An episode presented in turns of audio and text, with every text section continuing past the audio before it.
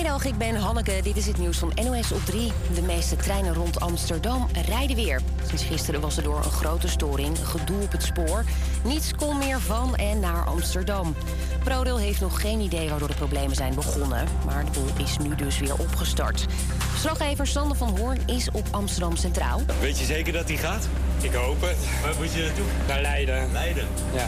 En hoe lang heb je, hoe lang heb je gewacht? Ja, ik wou gisteravond al vertrekken, maar dat was niet mogelijk. Maar nu hopelijk. Maar ik bedoel, het is pas heel kort duidelijk dat hij weer gaat. Dus je hebt wel een gok genomen. Ik heb er vertrouwen in. Nou, ik hoop het. Als je in de trein stapt, kan het wel zijn dat die korter is dan normaal, niet schoongemaakt is of te vol zit, waarschuwt de NS. De action in Eindhoven, waar vannacht een automobilist naar binnen reed, is vanmorgen gewoon open gegaan. De bestuurder raakte gewond en de winkel is beschadigd. Deze buurtbewoner hoorde een knal en weet wat er gebeurd is. Hij is waarschijnlijk uh, ja, over een vluchtheuvel heen gereden. Dat mag het overstuur kwijtgeraakt en dan zo met een bocht hier uh, het verkeersbord geraakt. En ja, met het verkeersbord en al de deur ingereden. De bestuurder had te veel gedronken en is opgepakt. Een natuurbrand op de Heide in Limburg is onder controle. Het vuur begon gistermiddag in een natuurgebied. Volgens de brandweer was het vooral lastig om daar genoeg bluswater te krijgen. Uiteindelijk is dat gelukt. Vannacht was het onder controle. Een gebied ter grootte van bijna zes voetbalvelden is afgebrand. En in Rotterdam zijn ze hier helemaal klaar mee. Ik moet eerlijk toegeven dat ik wel heel snel, uh, als ik echt haast heb, dat ik denk shit, ik ga nog even snel door. Mensen die nog snel doorrijden terwijl de slagbomen van een brug omlaag gaan. Regelmatig gebeuren er ongelukken of gaat het niet goed, zien de brugwachters. Er was een auto die uh, de slagbomen niet had gezien. En op dat moment ging onze slagboom nog een stukje naar beneden. En scheelde zo'n stukje of het had het dak van de auto geraakt. En dan had ze natuurlijk schade gehad. Ja, net goed gegaan dus. Boetes voor dit soort mensen zouden kunnen helpen, denken ze. En dan nog het weer. Het is uh, zonnig en warm, 21 tot 25 graden. Landinwaarts wel wat stapelwolken vanmiddag. Langs de kust is het wat koeler, 15 tot 20 graden. Het kompas. Goedemiddag en leuk dat je luistert naar het allerlaatste uitzending van Het Kompas de richtingwijs naar al het moois wat Amsterdam Noord te bieden heeft. We gaan er een hele leuke uitzending van maken. En dat doe ik niet alleen. Vandaag zit ik, Treintje, in de studio met sidekick Babette, technicus Diane en verslaggevers Tijmen en Daan. En niet te vergeten mijn mede-presentator Lois. Ja, hallo. We hebben vandaag weer een vol programma. En wat voor een programma? Onder meer hoor je vandaag een heel bijzonder nummer in primeur gaan. Praten we met oprichters van Festival Lentekabinet. Maar eerst praat ik zo meteen met Ilana Roderkerk, fractievoorzitter van D66 Amsterdam. En Anne Stoof, programmamaker bij BNN Vara. Over hoe binnenkort hopelijk niet alleen mannen, maar iedereen topless mag zwemmen in Amsterdamse zwembaden. Dat hoor je zo meteen na Sarah met Head Held High.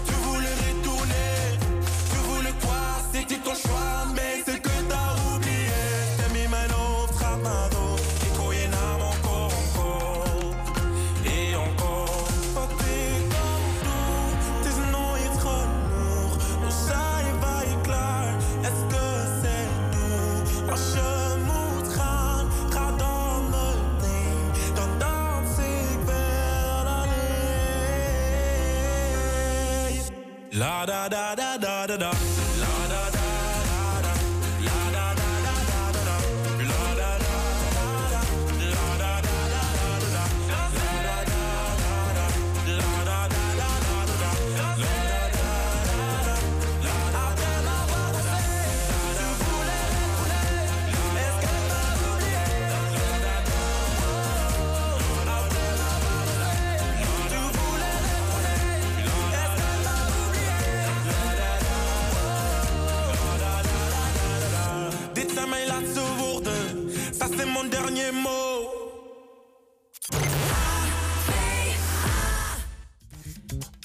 Zwemmen in Amsterdamse zwembaden is nu alleen nog weggelegd voor mannen.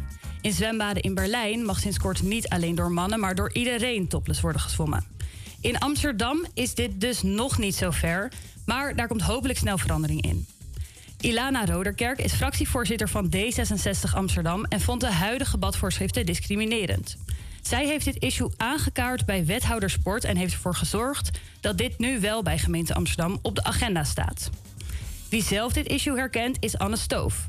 Anne is programmamaker bij BNN-Vara en organisator van de feesten Shirtless Sunday in queer discotheek Vereniging de Trut. Anne is zelf trans en heeft in november 2022 zijn borsten laten weghalen. Hiervoor herkende hij het issue in het zwembad. Liever alleen een zwembroek dan een badpak willen dragen, maar dat mocht niet vanwege de huidige badvoorschriften. Vandaag zijn beide in de studio om over het belang van dit nieuwe beleid te praten. Welkom Ilana, welkom Anne. Dankjewel. Anne, ik begin bij jou. Als zo'n beleid er toen tijd was geweest, had het jou geholpen om wel in een zwembroek te gaan zwemmen? Eh, ja, ik denk het wel. Want het normaliseert ook dat mensen met borsten dan dus ook een zwembroek alleen aan hebben. Dus dan zou ik me wel veiliger gevoeld hebben om dat dan te doen. Want dat was eigenlijk vooral de issue voor mij. Dat ik gewoon bang was dat iemand me erop zou aanspreken. Van, hey, jij hoort iets anders aan te hebben.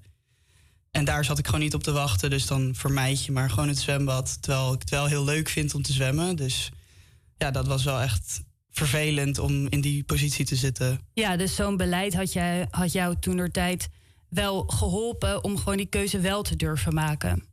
Ja, dat denk ik wel, ja. Want ja, dan als, als iedereen dat mag doen, dan is het ook niet als je niet een uh, badpak aan hebt, dat dat meteen betekent dat je een man bent. Of zeg maar, dat, dat zegt dan niet zoveel eigenlijk.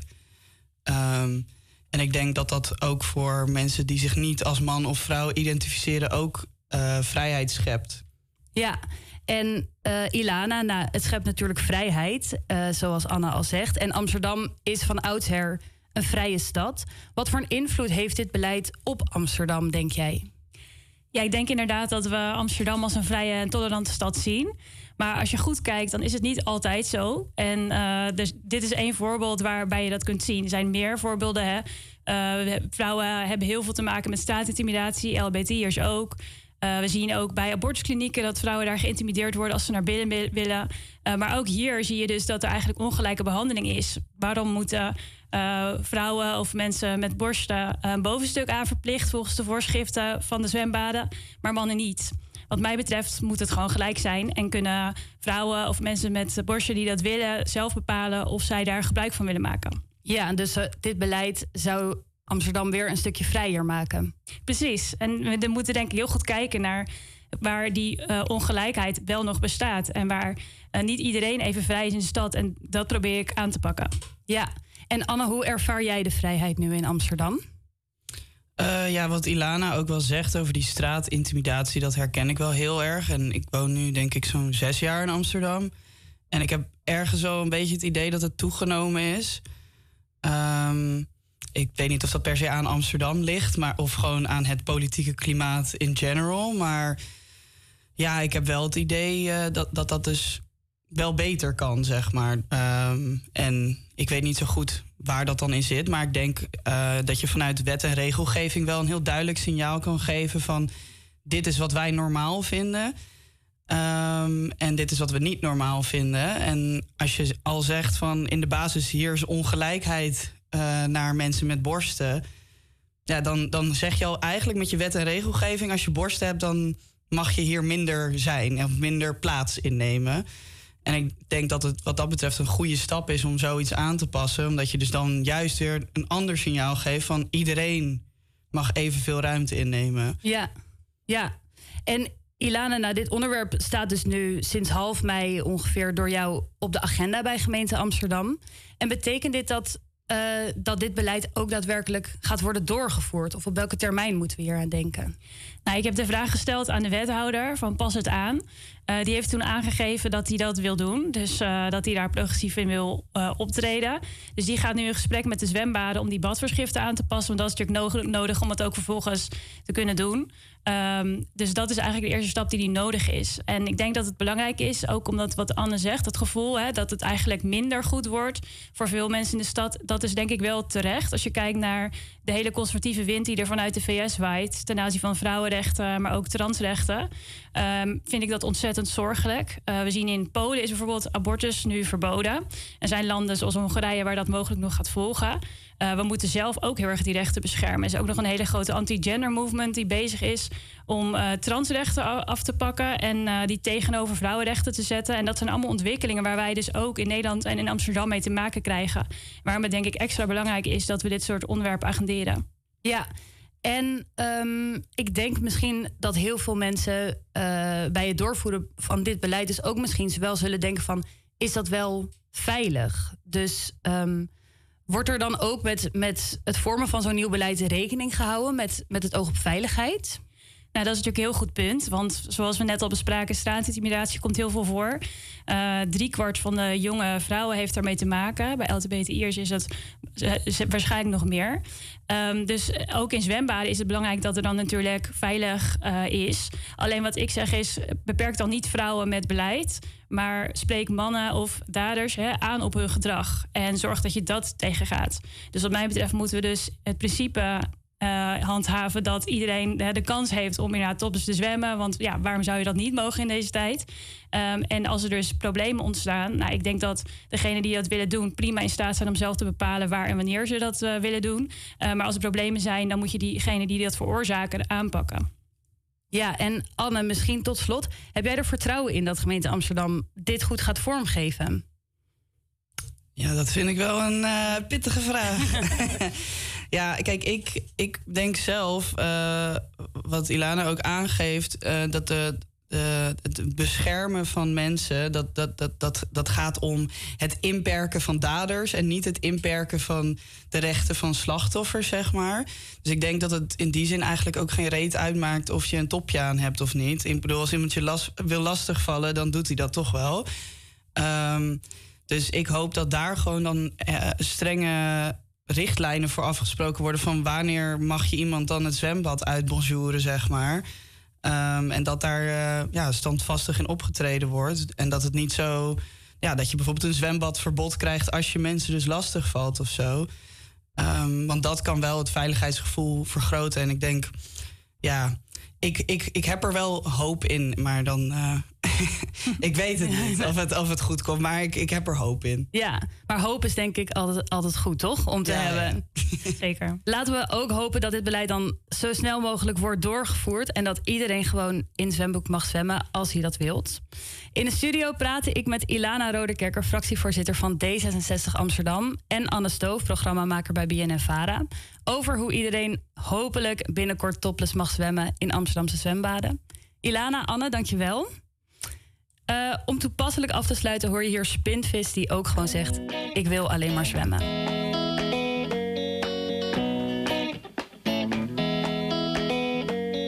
Hey, ik heb geen probleem. Ik heb alles gefixt. Ik wou nog iets zeggen, maar ik weet niet meer. Dan was het zeker niks.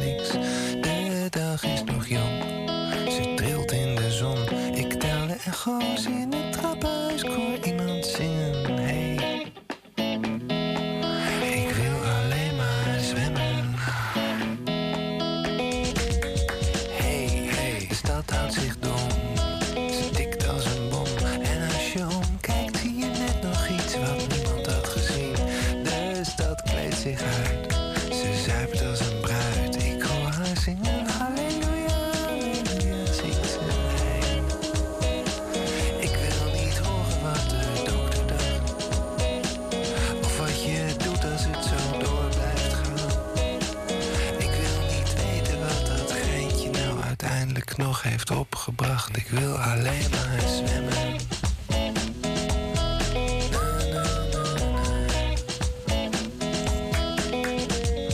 Hey, ik heb geen probleem en ik vind niemand raar. Alleen maar zien hoe je de trap oploopt. Ik zit simpel in elkaar.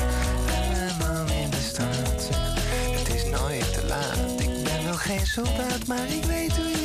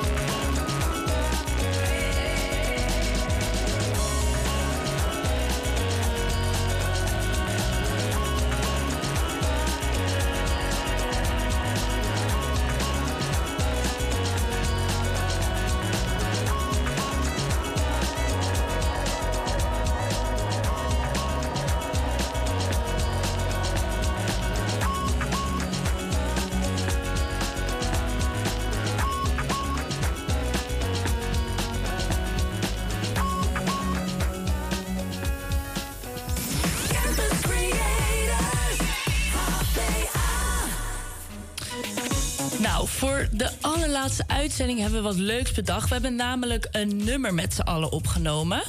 Uh, ja, iedereen ging rappen. Iedereen heeft ook zijn eigen stuk geschreven. Uh, maar eerst voordat we dit nummer gaan laten horen, uh, hebben we ook nog een reportage gemaakt over ons hele schrijfproces en onze creatieve breinen aan het werk. Um, dus ja, dat hoor je nu. Oké, okay, oké. Okay. Babette, ben je klaar? Nee. Oké, okay. laat okay, gewoon per persoon langs gaan. Oké, treintje af. Ja. Ik heb hem af. Timer? Ik zit, uh, bij, ik zit denk nu op... 12. Uh, 10 of zo. Oké, okay, top. Goed. Dus Diana... Ik zit nog op 7. Moeten we eerst Diana doen? Ja. ja. Oké. Wat, heb je, wat heb je nu? Ja, nu Nee, ik ben Diana, zit achter de knoppen. 9 voor techniek, nee, niemand kan mij toppen. En dan brullen. Veel heb je me niet gehoord. Nee, nee, ik ben niet gestort. Neem mij mee naar Adam Noord. En dan... Nou ja, zo. ik error. Uh, Oké, okay, misschien nog iets verder gaan op die knoppen. Of je kan zeggen... Um, met dit kompas eerste keer uit in Amsterdam. Ja. Toch? Ja. Of, iets, of iets met je... Diana, ik met mijn kruk. Elke dag loop ik met mijn kruk. kruk. Zie me gaan. Zie me gaan. Alle jongens draaien om als ik buk. Hey!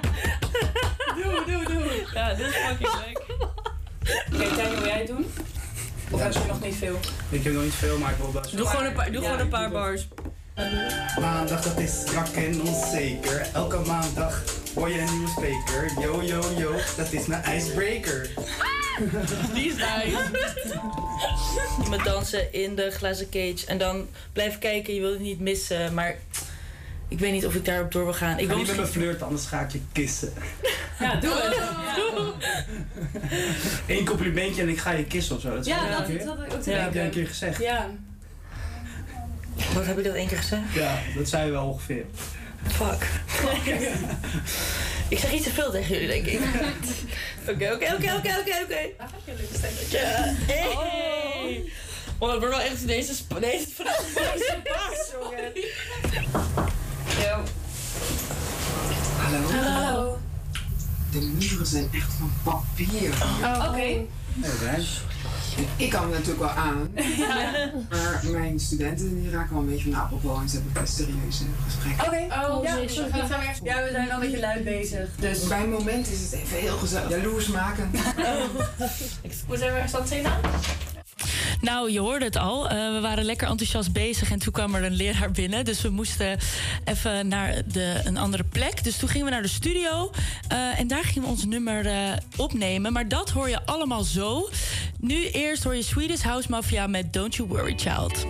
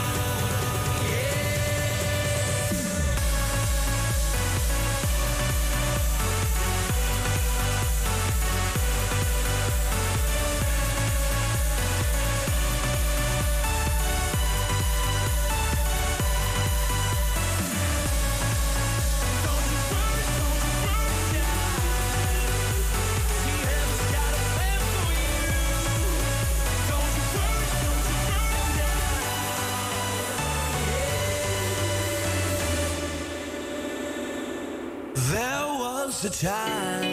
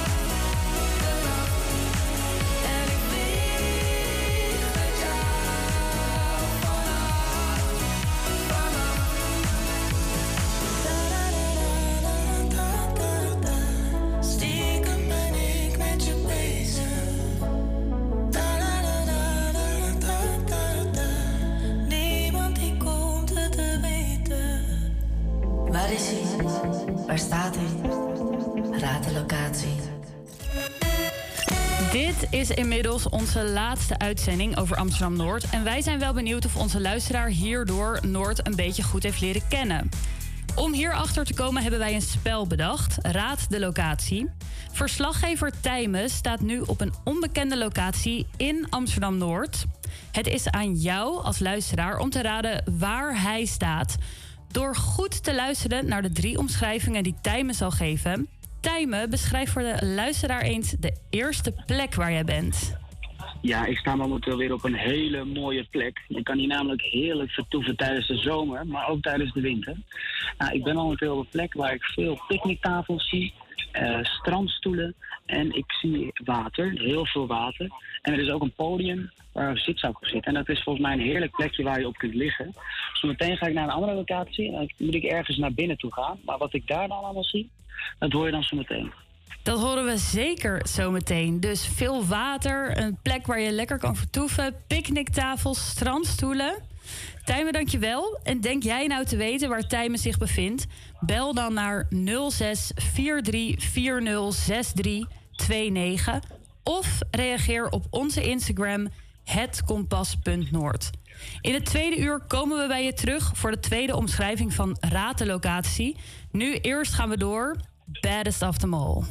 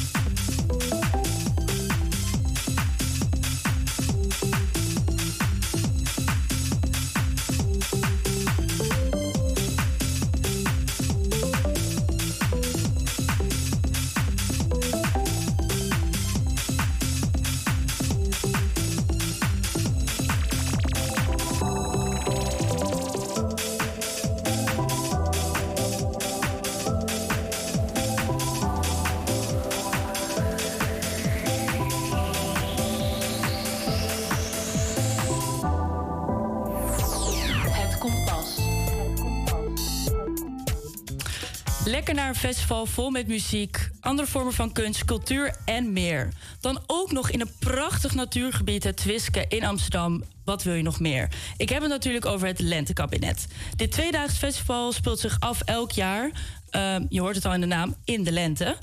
Vorig weekend was het ook weer zover. Het festival is opgericht door dezelfde mensen van het bekende internationale festival Dekmantel. Lentekabinet biedt plaats voor opkomende artiesten, vooral voor genres house, disco en techno. Het festival vindt plaats in het Twiske, een groot beschermd natuurgebied in Amsterdam Noord. Uh, nou, dat ben ik eigenlijk ook wel benieuwd hoe dat eigenlijk samengaat met zo'n groot festival in een beschermd natuurgebied vol zeldzame vogels.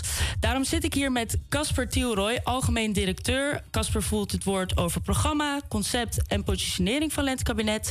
En ik zit hier met Dauk Vos. Hij gaat ons meer vertellen over hoe het festival op een duurzame en verantwoorde manier inpassen in het Wiske. Welkom allebei. Dank je. Uh, eerst vraag aan Casper. Uh, hoe ging het proces van dit jaar? Um, nou, het was eigenlijk na twee coronajaren voor het eerste een jaar waar, um, waar het eigenlijk gewoon normaal ging. Dus dat was wel, uh, dat was wel even een verademing. Ja, fijn. En want, want hoe, hoe, ja, hoe maak je die beslissingen met het selecteren van de, de muziek en de kunst en zo en de cultuur daar? Ja, we hebben een, uh, ja, een soort creatieve denktank in, in, in het bedrijf. Uh, met de programmeur. Twee programmeurs hebben we eigenlijk. En dan ikzelf en nog wat externe mensen. Ehm, en dan, ehm, nou, dan beginnen we eerst te kijken van... Joh, wat is de, de koers die we voor dit jaar willen varen. Even evalueren ook. Hoe is het afgelopen jaar? Heel belangrijk. Hebben we net gehad al. Tenminste, de grote die komt nog. Mm. Um, en dan een beetje kijken van nou ja, waar, waar, waar we, wat, wat, wat, wat, willen we dit jaar gaan doen? Wat zijn de, de lijnen die we willen gaan uitzetten? Wat zijn de partijen waarmee we willen gaan samenwerken? En dan uh, komt iedereen met ideeën en dan gaan we het daarover hebben. En dan ontstaat er een uh, goed en constructief uh, gesprek meestal. Ja, en zo bepalen jullie eigenlijk met z'n allen hoe, hoe, ja, wat voor lentekabinet jullie dit jaar willen ja, eigenlijk neerzetten. Ja. Oké, okay, en want wat voor sfeer willen jullie eigenlijk creëren op zo'n festival?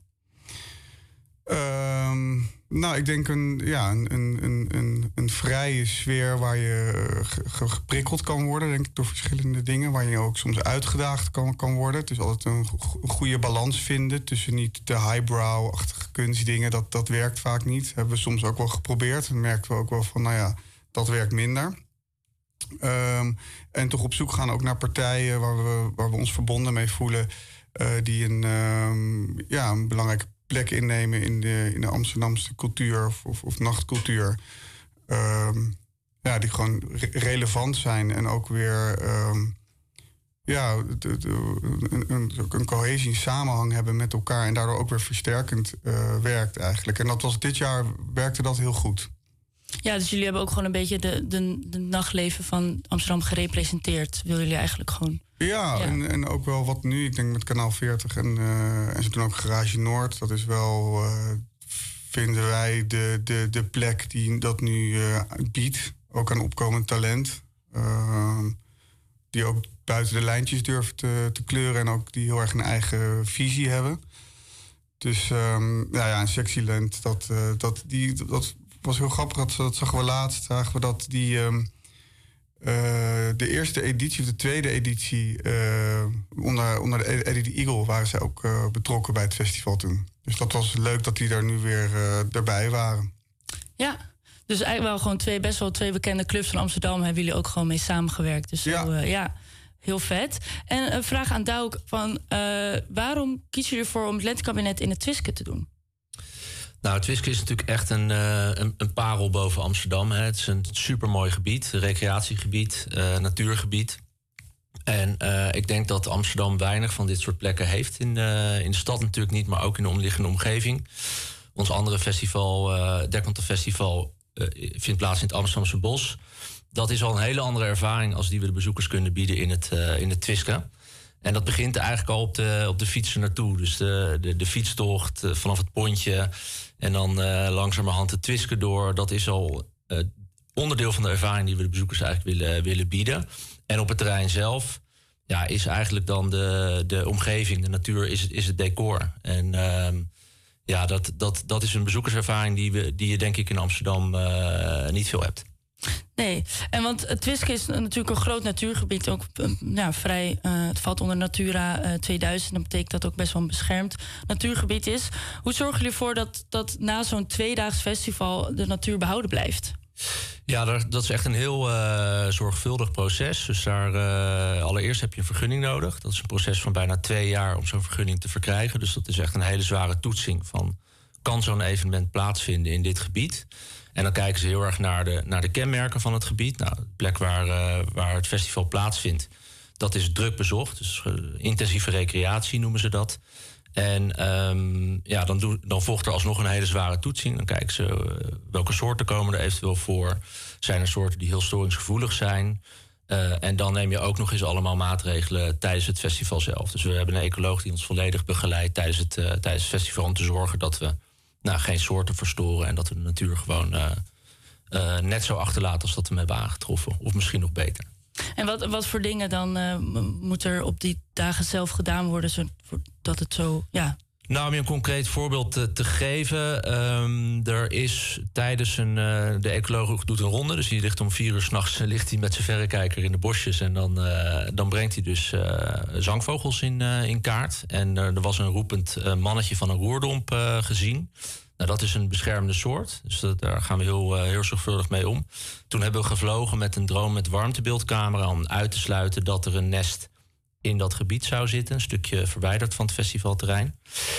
Eh, die bleek er uiteindelijk niet te zitten. Maar stel dat hij er wel zou zitten, ja, dan kan er zelfs een maatregel zijn om zo'n heel, heel podium te verplaatsen naar een ander deel van het terrein. Daar is ook een uitwijkterrein voor, eh, voor ingetekend. En daarnaast zorgen we natuurlijk dat, dat rietkragen en bossages en dat soort eh, plekken gewoon niet betreden worden door bezoekers. Die zijn ook allemaal afgezet met, met hekwerk. Oh ja, en want eh, ik was op het eh, festival zelf. Eh, en nou, jullie zeggen ook op een website dat jullie vrij duurzaam zijn. Alles is vegetarisch. Jullie hebben heel veel prullenbakken, zag ik zelf ook. Een soort van ja, meeneem asbakjes. Maar nou ja, ik ken, ik ken de mens wel.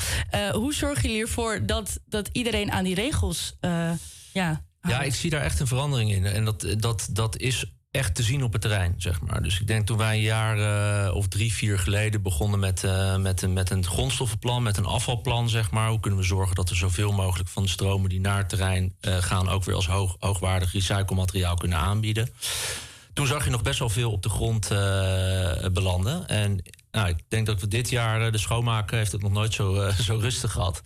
Eh, ook qua sigaretten en zo. Dat mensen weten inmiddels waar dat zakasbakje voor, voor dient. Ze doen daar keurig een sigaret in en die komt niet meer op de grond terecht. En ja, uiteindelijk heb je een lijn schoonmaken en wordt het picobello weer opgeleverd. Ehm, maar ja, je ziet gewoon dat die bewustwording heel erg aan het, aan het veranderen is bij, bij bezoekers. Oké, nou dat is eh, goed om te horen. Eh, en dan terug naar Casper. Eh, ben wel benieuwd, jullie zijn ook in het parool gekomen om andere redenen dan dat het gewoon een leuk festival is. Mensen hebben, zijn er niet helemaal mee eens dat het in de Twiske is. Ehm, wil je daar nog iets over kwijt? Of hoe, hoe staan jullie daarin? Nou ja, kijk, wat is wat Douk zegt? Ik denk dat wij heel erg ons. eh, we houden ons sowieso aan alle regels die, die er zijn. Dus dat, is, dat gaat best wel zijn we al jaren mee bezig. Ehm, dus ja, ik denk verder dan meer dan dat kunnen we ook niet doen. Dat is ook door de politiek is dat eh, ook dat zo'n proces vormgegeven. Ehm, ja, eh, ik kan, ik kan, daar niet zo heel veel over zeggen. Er is- een kort geding geweest vorig jaar. Eh, Dus we hebben heel laat ook eh, gewacht met het aanvragen daarvan. Dus dat was op de vrijdag voordat we het evenement hadden. Dus toen zat eh, de helft van het team zat in de rechtbank. Nou, je kan je voorstellen dat na twee coronajaren is dat niet zo leuk. Eh, en toen zijn ze verder gaan met een bodemprocedure. En daar is de uitspraak, nou ja, ik denk ieder moment van. En die zien we wel met vertrouwen tegemoet. Want ja, nogmaals, wij, wij voldoen aan, aan alle voorschriften en, en, en wetten die er zijn. Daar wordt ook streng op gecontroleerd hoor, moet ik zeggen. Dus we hebben ook eh, ieder jaar wel verschillende controles van de omgevingsdienst, die daar dan het, eh, het bevoegd gezag is om die controles uit te voeren. Ja. En die, eh, ja, die controleren op stikstof, maar die lopen ook mee met de ecoloog. Die kijken op de dagen zelf of we ons houden aan de regels die in de vergunning worden gesteld. Ja, en die hebben ook nog nooit een overtreding geconstateerd. Dus eh, ja, we houden ons gewoon keurig aan de regels. En eh, we vinden het ook gewoon belangrijk als organisatie om het gebied, want we zien die waarde heel erg, hè, eh, eh, dat we dat gewoon keurig, eh, keurig achterlaten. Ja, en, en ik denk ook belangrijk om te vermelden is dat het een recreatiegebied is waar wij zitten. Ja, het is een Natura 2000 gebied, maar dat bes- beslaat, ja, jij weet hoeveel hectare het is. Dus het, het, het hele gebied, het Natura 2000 gebied, is 2500 hectare. Het Twiske zelf is dan 650 hectare. Daarvan is 120 ingericht voor intensieve recreatie, waar ik het al net over had. Dus daar kan eigenlijk wat meer dan in de, in de stiltegebieden. En wij gebruiken dan weer een stukje van 9 hectare. Dus dat is 0,03 procent eh, eh, gebruiken wij geloof ik van het gebied. Ja, dus eigenlijk eh, hebben jullie gewoon een heel mooi stukje grond. Hou je aan de regels en is het gewoon een, eh, nou eigenlijk, hoe ik het ook heb ervaren, een leuk Amsterdams festival. En om een beetje af te sluiten, kunnen jullie al iets weggeven over volgend jaar? Zijn jullie al bezig met volgend jaar? Nou ja, we zitten nu nog eh, heel erg in de. Wat ik al zei, we zitten nu we zijn aan het evalueren. Eh, kijken hoe. Kijk, we hebben een prachtig weer gehad. Een hele goede editie gedraaid. Dus dat, eh, daar, ja, daar zijn we gewoon heel blij mee. En Iedereen moest even een paar dagen bijkomen. En nu zijn we langzaam aan het kijken. We hebben al wel een programma-evaluatie gehad. Eh, de echte grote evaluatie, kijk ik daar ook even aan. oké, is morgen. Ja. en dan vanuit daar gaan we weer. Langzaam plannen maken. Maar Ja. eerst nog ons Dekmantel Festival. Hè? Ja, Eh, die precies, ook precies. ja. Nou, helemaal goed. Eh, nou, ik sprak met Casper Thielroy, algemeen directeur. Dus voelt het woord over programma, concept en positionering van Lentekabinet. En ik sprak met Dauk Vos. Hij keek hoe het festival op een duurzame en verantwoorde manier inpaste bij het Twiske. We gaan nu door met Welcome to the DCC met Nothing But Thieves.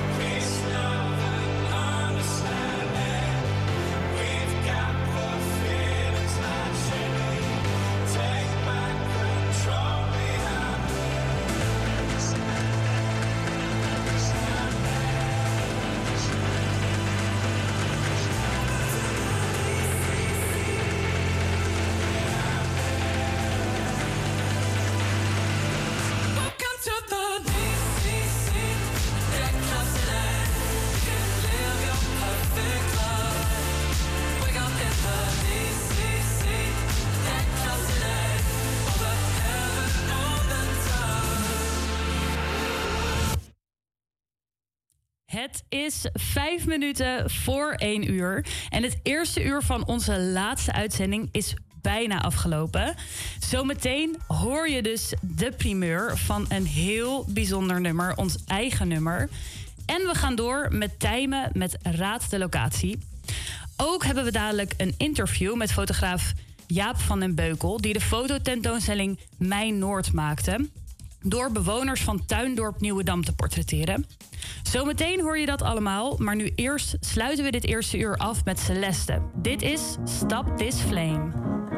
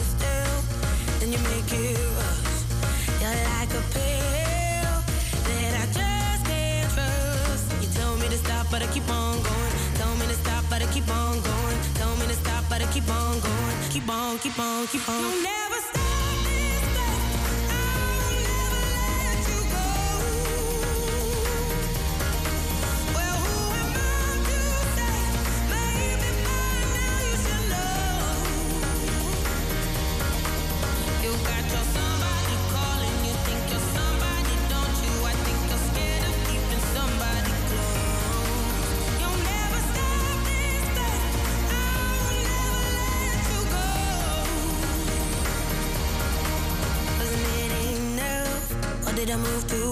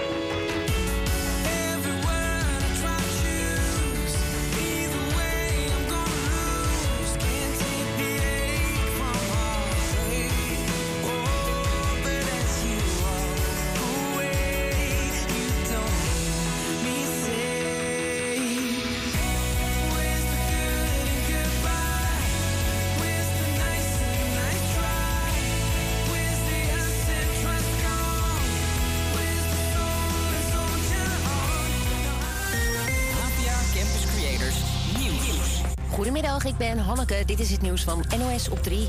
In Amsterdam-Noord zijn vannacht kort na elkaar drie explosies geweest... voor de deur van verschillende huizen. Niemand raakte gewond, maar bij twee huizen was er wel veel schade. Er is een man van 21 opgepakt die verdacht wordt van betrokkenheid... bij in ieder geval één explosie. De problemen op het spoor zijn vooralsnog voorbij. Door een noodoplossing konden iets na 9 uur deze ochtend weer treinen gaan rijden. Maar achter de schermen was daardoor een hele operatie nodig, vertelt deze woordvoerder van ProRail. We hebben vannacht hebben we uh, de verkeersleidingspost van Amsterdam uh, hebben we uh, verplaatst eigenlijk naar Utrecht. Of eigenlijk beter gezegd doorgeschakeld. al het personeel is toen ook met een bus van, van Amsterdam naar Utrecht gereden. En daardoor kunnen we nu vanuit de backup locatie in Utrecht de treinen in en rond Amsterdam weer aansturen. En kunnen ze buiten dus ook weer rijden. Maar dat is een tijdelijke oplossing. Waardoor de storing precies werd veroorzaakt, is nog niet bekend. De eerste rechtszaak tegen voetballer Quincy Promes is zojuist begonnen. De oudspeler van onder meer Ajax en FC Twente zou zijn neef hebben neergestoken op een familiefeest. De tweede rechtszaak begint later vanmiddag. Hij wordt namelijk ook verdacht van het smokkelen van 1300 kilo kook. En duurdere producten bij de drogist of spullen uit de mediamarkt... die zijn beveiligd tegen jatten met zo'n sticker. Dat kennen we, maar in Engeland gaan ze een stap verder. Normale boodschappen zijn daardoor de inflatie zo duur geworden... dat supermarkten in strijd tegen winkeldiefstal... die beveiligingsstickers inzetten op doodnormale artikelen, zegt deze shop-eigenaar. Bacon, sausages and then all the cheese. So that's high risk. That's what they take. So this is every day something will happen. We caught someone in our other shop last week... where they came in with a big suitcase. Het aantal winkeldiefstallen is hoog. In sommige regio's van het Verenigd Koninkrijk steeg die wel met 50% ten opzichte van vorig jaar. Het weer dan nog, vanmiddag wat stapelwolken. Langs de kust wat grijs, daar is het ook wat koeler. In de rest van het land vooral zonnig en een gaatje of 21. Het kompas.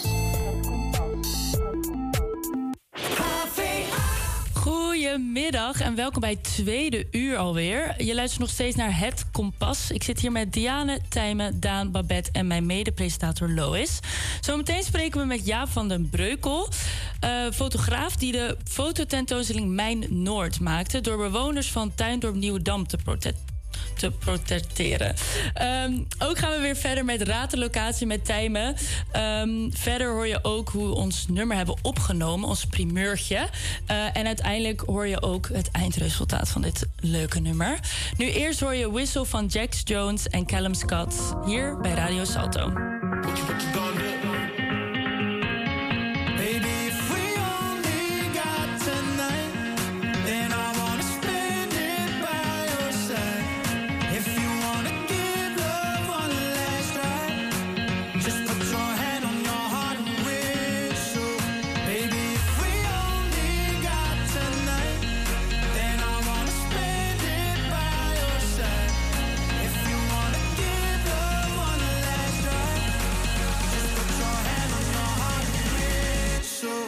I'll come back to you.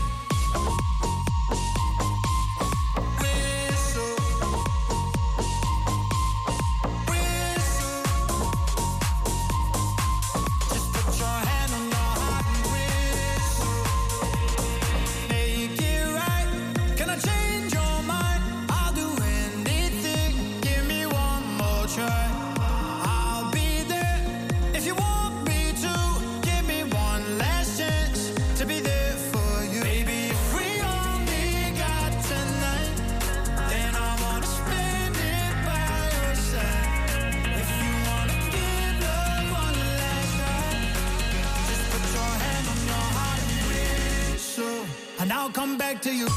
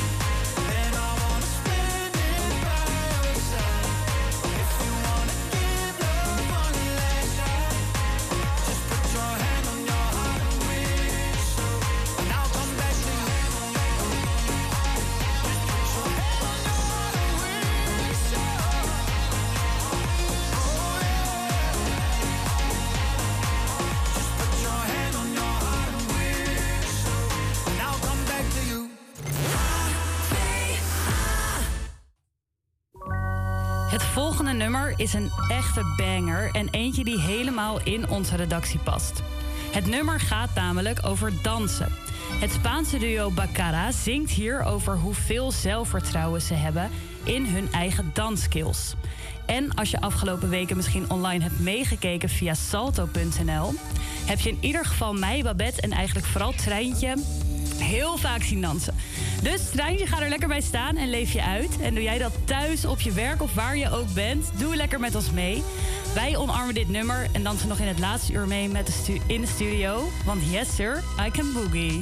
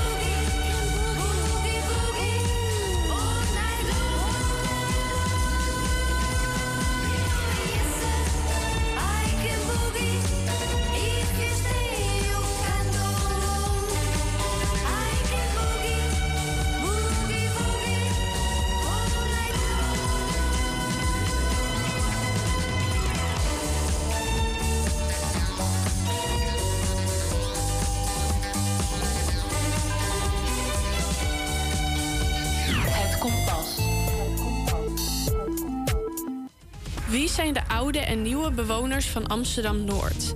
Met die vraag maakte fotograaf Jaap van den Beukel de tentoonstelling Mijn Noord.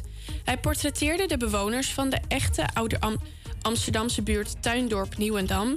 In deze tentoonstelling zijn niet alleen de portretten van de bewoners te zien, maar zijn ook audiofragmenten te horen met hun verhaal. Toen ik hier kwam wonen heb ik me aan niemand voorgesteld. eh, omdat ik dat niet gewend was vanuit de binnenstad.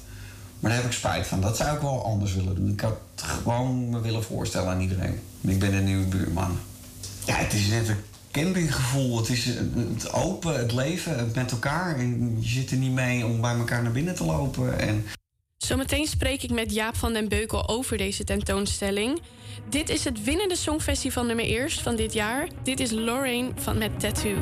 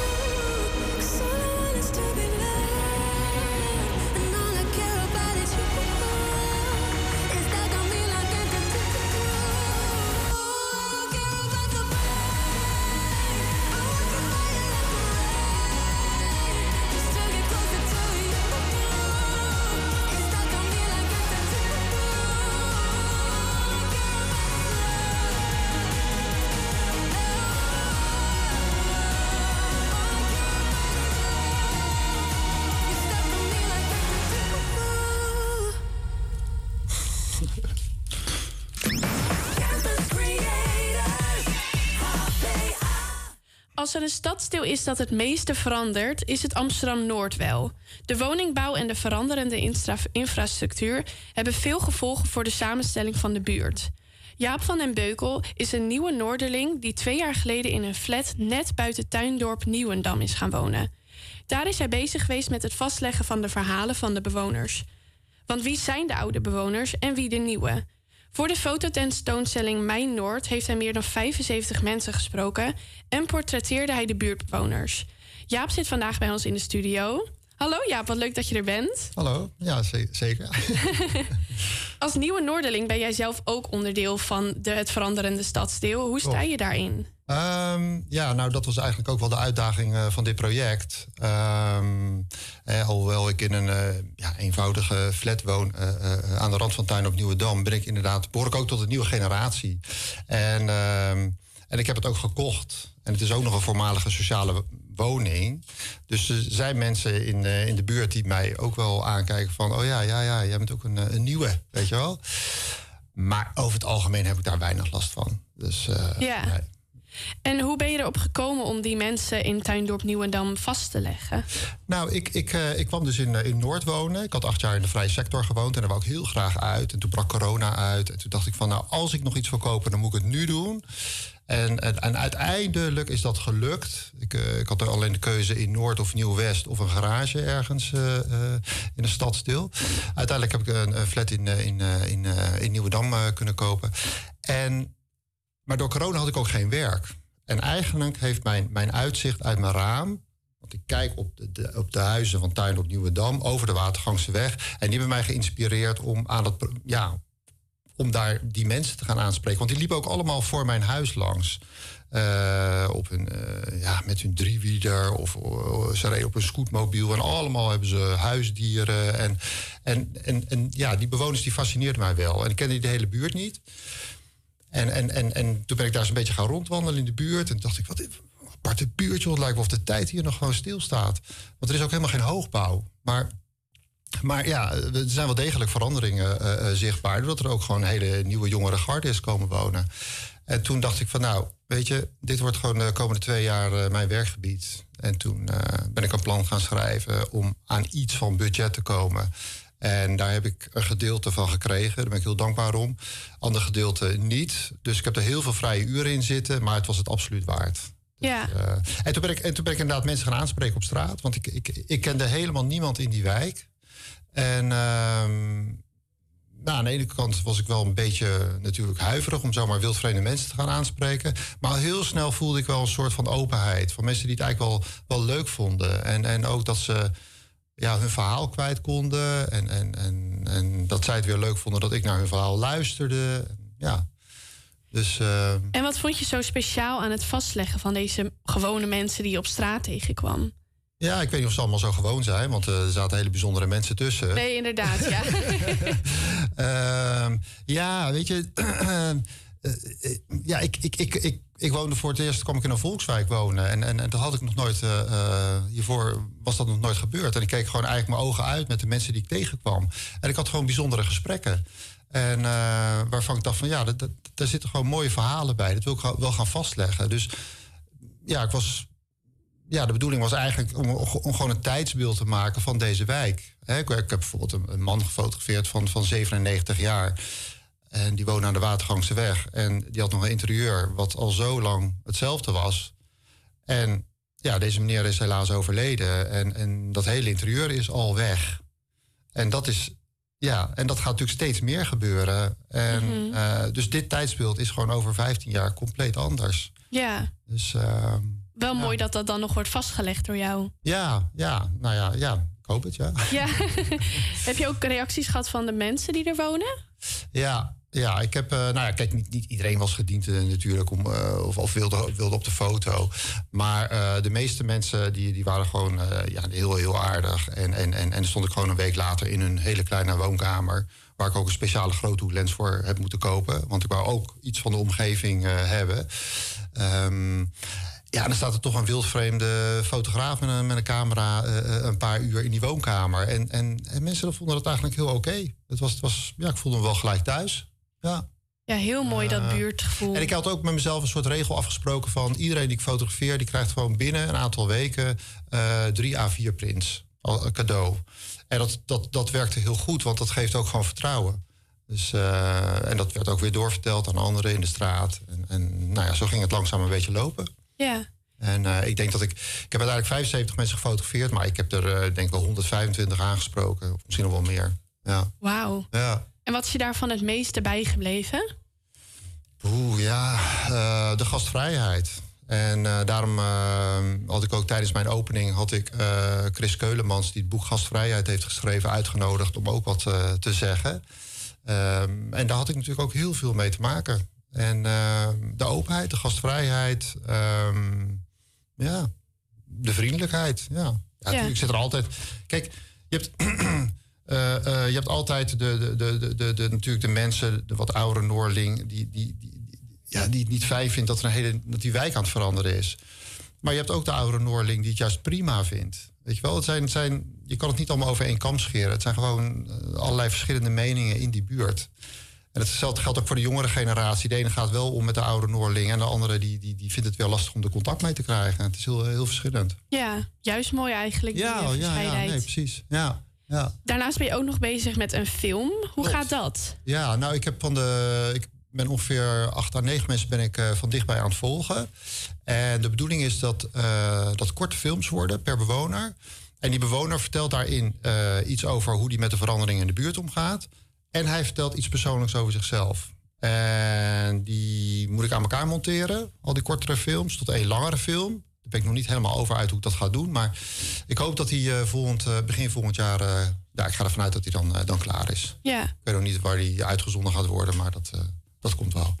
Ja, Ja. mooi wel. Ja. En waar en wanneer eh, kan, is deze ten, fototentoonstelling te zien? Nou, de fototentoonstelling is, eh, staat nu op het Purmerplein. De opening was 26 mei. En eh, hij staat tot 25 juni. Zondag tot en met 25 juni op het Purmerplein. Daarna gaat hij reizen door Amsterdam-Noord naar de Buikslo Buikslotermeerweg. En ehm, blijft hij ook nog drie weken staan. En daarna nog naar de NDSM-kade. Blijft hij ook nog een maand staan. Oké. En dan is het geld op. Dan, eh, Nou, dan heeft hij in ieder geval al wel veel publiek gehad in tegen die tijd. ja, aan het eind van het jaar komt er eh, een boek uit. Oh ja. Eh, het project is een beetje uit de klauwen gelopen. Het, Ja, hartstikke mooi juist. Maar ja, dus en het boek kan besteld worden op. Ik heb een speciale website gemaakt waar iedereen op staat. Want ik kon op het Purmerplein niet iedereen tentoonstellen. Ik hoop dat mensen mij dat niet kwalijk nemen. en ehm, dus een website, daar staat alles op, alle audiofragmenten, alle foto's. En daar kan je ook het boek op bestellen. Ah, oké. Ja, en dat is op mijnoord.nl. Oké, nou echt heel erg bedankt dat je er was. Superleuk. Ik sprak met Jaap van den Beukel over fototentoonstelling Mijn Noord. En we gaan door met Chris Cross Amsterdam. Dit is How You Samba.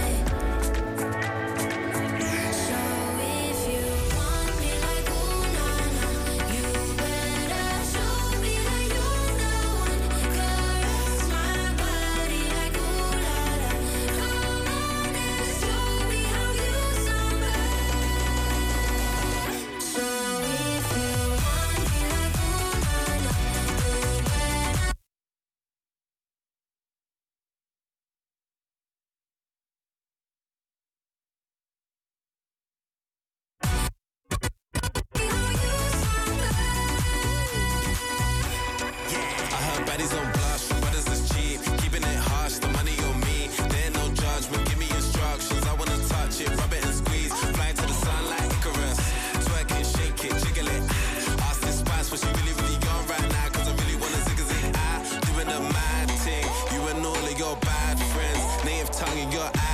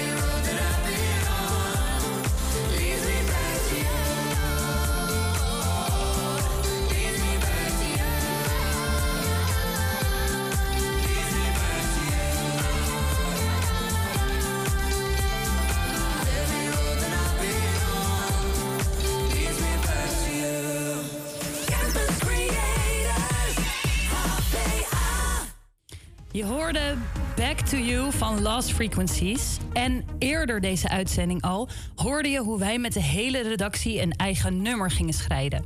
schrijven. Net hoorde je al het proces van het eigen nummer schrijven. Maar daarna zijn we dus daadwerkelijk de studio ingegaan om het nummer op te nemen. Hoe dat ging, hoor je nu. Lois is de eerste die aan